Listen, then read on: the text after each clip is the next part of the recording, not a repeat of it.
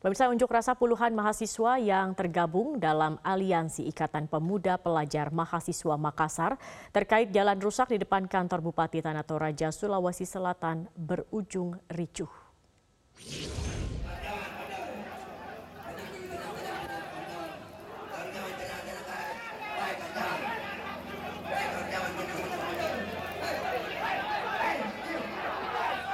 Bentrokan terjadi saat puluhan orang mencoba memaksa masuk ke dalam kantor bupati dihalau pihak keamanan.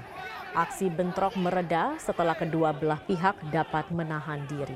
Namun pengunjuk rasa yang tidak puas karena tidak bertemu dengan bupati melumuri pintu kaca dan lantai dengan lumpur.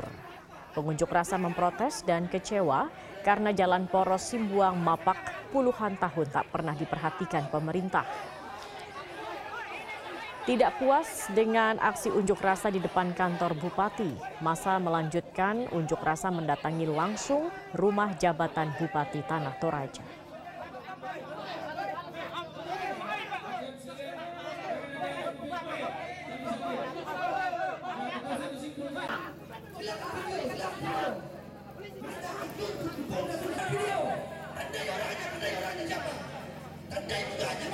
35 rumah di Duren Sawit, Jakarta Timur pada selasa dini hari hingga pagi tadi terbakar. Satu orang warga meninggal dunia akibat kebakaran ini dan 75 kepala keluarga kehilangan tempat tinggal. Api membakar rumah semi permanen di kawasan Duren Sawit sejak selasa dini hari hingga pagi tadi. Kali ini api telah berhasil dipadamkan oleh petugas pemadam kebakaran Jakarta Timur. Sejumlah warga yang rumahnya terbakar mencoba mencari barang berharga mereka di antara puing-puing sisa kebakaran. Mereka berharap dapat menemukan barang-barang yang masih bisa diselamatkan. Pihak Kelurahan Duren Sawit bersama pihak terkait telah memberikan bantuan berupa makanan kepada korban kebakaran. Saat ini pihak BPBD Jakarta Timur juga telah membangun tenda untuk pengungsian bagi korban kebakaran.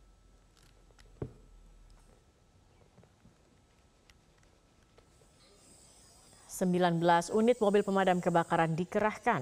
Saat proses pemadaman, petugas dan warga menemukan jasad warga setempat, seorang pria lansia yang diduga terjebak api saat berusaha mencari cucunya. Jasad korban langsung dievakuasi oleh petugas dan langsung dibawa ke Rumah Sakit Cipto Mangunkusumo, Jakarta.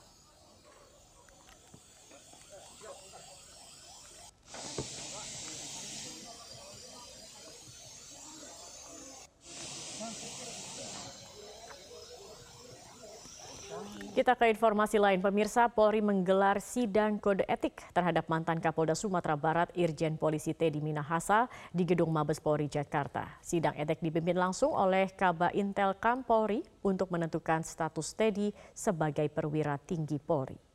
Sidang kode etik terhadap Irjen Polisi Teddy Minahasa yang juga terpidana kasus jual beli penyalahgunaan barang bukti narkoba dimulai sejak Selasa pagi pukul 9 waktu Indonesia Barat dipimpin oleh Kepala Badan Intelijen dan Keamanan Polri Irjen Polisi Wahyu Widada.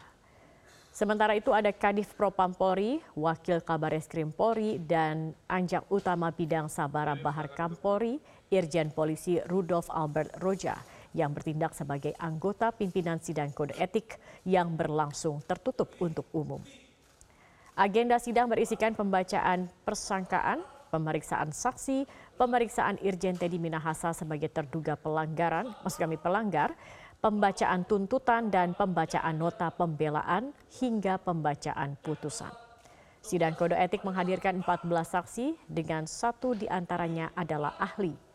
Polri juga akan menentukan nasib Teddy Minahasa sebagai perwira tinggi Polri melalui putusan sidang. Seperti diketahui, Teddy Minahasa telah difonis hukuman seumur hidup karena terbukti melakukan jual beli barang bukti narkoba jenis sabu oleh Majelis Hakim Pengadilan Negeri Jakarta Barat. Dimulai dari uh, pembacaan persangkaan, kemudian nanti pemeriksaan saksi, kemudian nanti pemeriksaan terduga pelanggar, dilanjutkan dengan pembacaan tuntutan, kemudian diberikan kesempatan pembacaan nota pembelaan dan akhirnya nanti pembacaan putusan. Semua rangkaian kegiatan itu dilangsungkan pada hari ini. Pasca difonis penjara seumur hidup oleh Majelis Hakim Pengadilan Negeri Jakarta Barat, kini Mabes Polri menggelar sidang Komisi Kode Etik Polri terhadap mantan Kapolda Sumatera Barat Irjen Polisi Teddy Minahasa. Untuk informasi terkini akan disampaikan Amel Narasoma langsung dari Gedung Mabes Polri Jakarta. Amel, dapat Anda jelaskan seperti apa jalannya proses persidangan saat ini dan bagaimana keputusannya?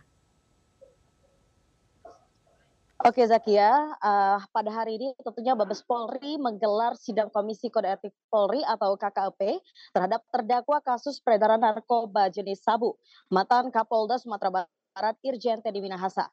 Pemeriksaan tadi dimulai pada pukul 9.20 waktu Indonesia Barat di gedung TNCC Mabes Polri. Dan dapat Anda lihat uh, pada saat ini juga Zakia pemeriksaan dan sidang terhadap Irjen Teddy Minahasa masih diberlangsungkan. Ini sudah berjalan sekitar kurang lebih 6 jam dari awal sidang dimulai pada pukul 9.20 waktu Indonesia bagian Barat. Dan tentunya kami di sini masih menunggu informasi lanjutan terhadap hasil dari sidang putusan kode etik ini terhadap uh, Irjen Teddy Minahasa.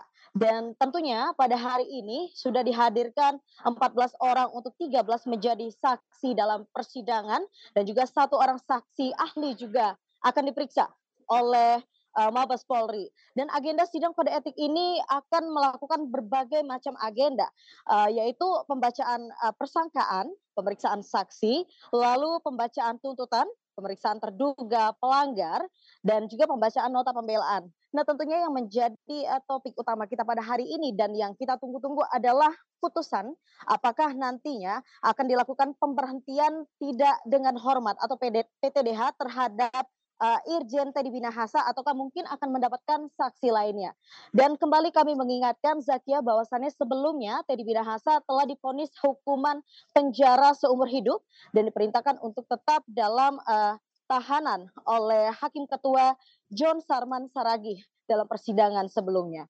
Dan juga kami sempat menghimpun bahwasannya ada statement lanjutan dari uh, Komisi Kepolisian Nasional atau Kompolnas yang mendesak Mabes Polri pada hari ini tentunya untuk melakukan sidang kode etik agar uh, hukuman terhadap Irjen Teddy Minahasa dapat segera dimaksimalkan Zakia. Dan dalam dalam hal ini hakim juga sebelumnya mengkonfirmasi bahwa Teddy Minahasa telah menawarkan narkoba untuk dijual, menjual serta berperan sebagai pengedar dan perantara dalam jual beli narkoba jenis sabu.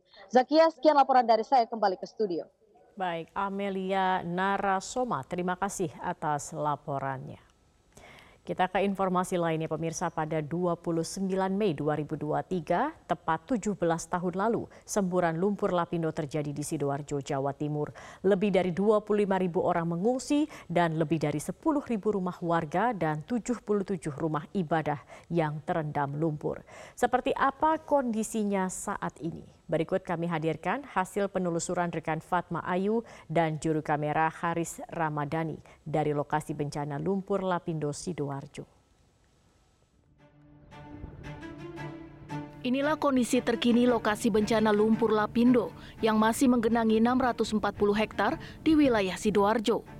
Lebih dari 10.000 rumah, puluhan pabrik, dan tempat ibadah yang dulunya berdiri akibat semburan lumpur lapindo yang terjadi 17 tahun silam, tepatnya tanggal 29 Mei 2006, kini ribuan bangunan itu pun hilang, tenggelam dalam genangan lumpur. Dampaknya ada lebih dari 25.000 orang mengungsi akibat bencana lumpur lapindo. Meski sudah 17 tahun, tapi korban lumpur pun masih terkena dampaknya. Selain kehilangan rumah dan tempat asal, banyak dari korban yang kehilangan pekerjaan dan harus mencari cara untuk bertahan hidup. Salah satunya adalah Sastro yang saat ini menjadi tukang bangunan sembari menjadi pemandu wisata lumpur Lapindo. Seperti diketahui, lokasi bencana ini sejak tahun 2010 telah dicanangkan sebagai lokasi wisata geologis. Sempat ramai dikunjungi wisatawan, namun kini kondisinya sepi pengunjung. Suasana ini tentu berdampak pada Sastro dan 30 rekannya yang bergantung hidup menjadi pemandu wisata di lokasi bencana. Penghasilan kalau awal-awal dulu sih rame mbak, nah, itu sampai 200-300. Kalau sekarang semenjak pasca pandemi itu minus mbak, sering minusnya. Kadang satu hari dapat, kadang tiga hari nggak dapat. Berapa orang pak yang ada di sini pak untuk jadi tour Kalau sekarang eh, tersisa 30-an orang.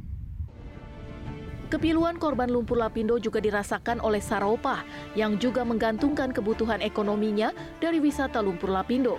Saropah mengaku hanya mendapat ganti rugi dari perusahaan pada tiga tahun setelah bencana semburan lumpur lapindo. Namun setelah itu, dirinya dan korban lainnya tidak pernah lagi mendapatkan bantuan baik dari pihak perusahaan maupun pemerintah. Kalau dari perusahaan nggak pernah dapat, dari pemer- pemerintah juga nggak pernah dapat. Dapatnya dari tiga tahun pertama itu. Dulu awal-awal, iya betul. Ga- Ganti ganti rugi, ya bukan ganti uang. Itu itu pun dicicil, nggak nggak nggak ngasih langsung cash itu enggak, dicicil, Tapi pasca itu udah nggak ada dapat apa-apa. ya? nggak nggak pernah dapat. Hingga kini semburan lumpur lapindo masih terus terjadi. Tanggul penahan lumpur masih terus dipantau agar tetap kokoh dan tidak jebol. Bantuan kepada ratusan korban lumpur lainnya juga belum diberikan dan meminta kejelasan untuk segera dituntaskan. Walaupun sudah 17 tahun lumpur lapindo melanda, namun korban masih tetap berharap dan juga mengharapkan agar pemerintah tetap memperhatikan nasib mereka saat ini. Tidak hanya itu, korban lumpur lapindo yang belum mendapatkan hak-haknya mengharapkan agar perusahaan segera merealisasikannya. Dari Kabupaten Sidoarjo, Fatma Ayu, Haris Ramadhani, Metro TV. Inilah kondisi terkini lokasi bencana lumpur lapindo yang masih menggenangi 640 hektar di wilayah Sidoarjo.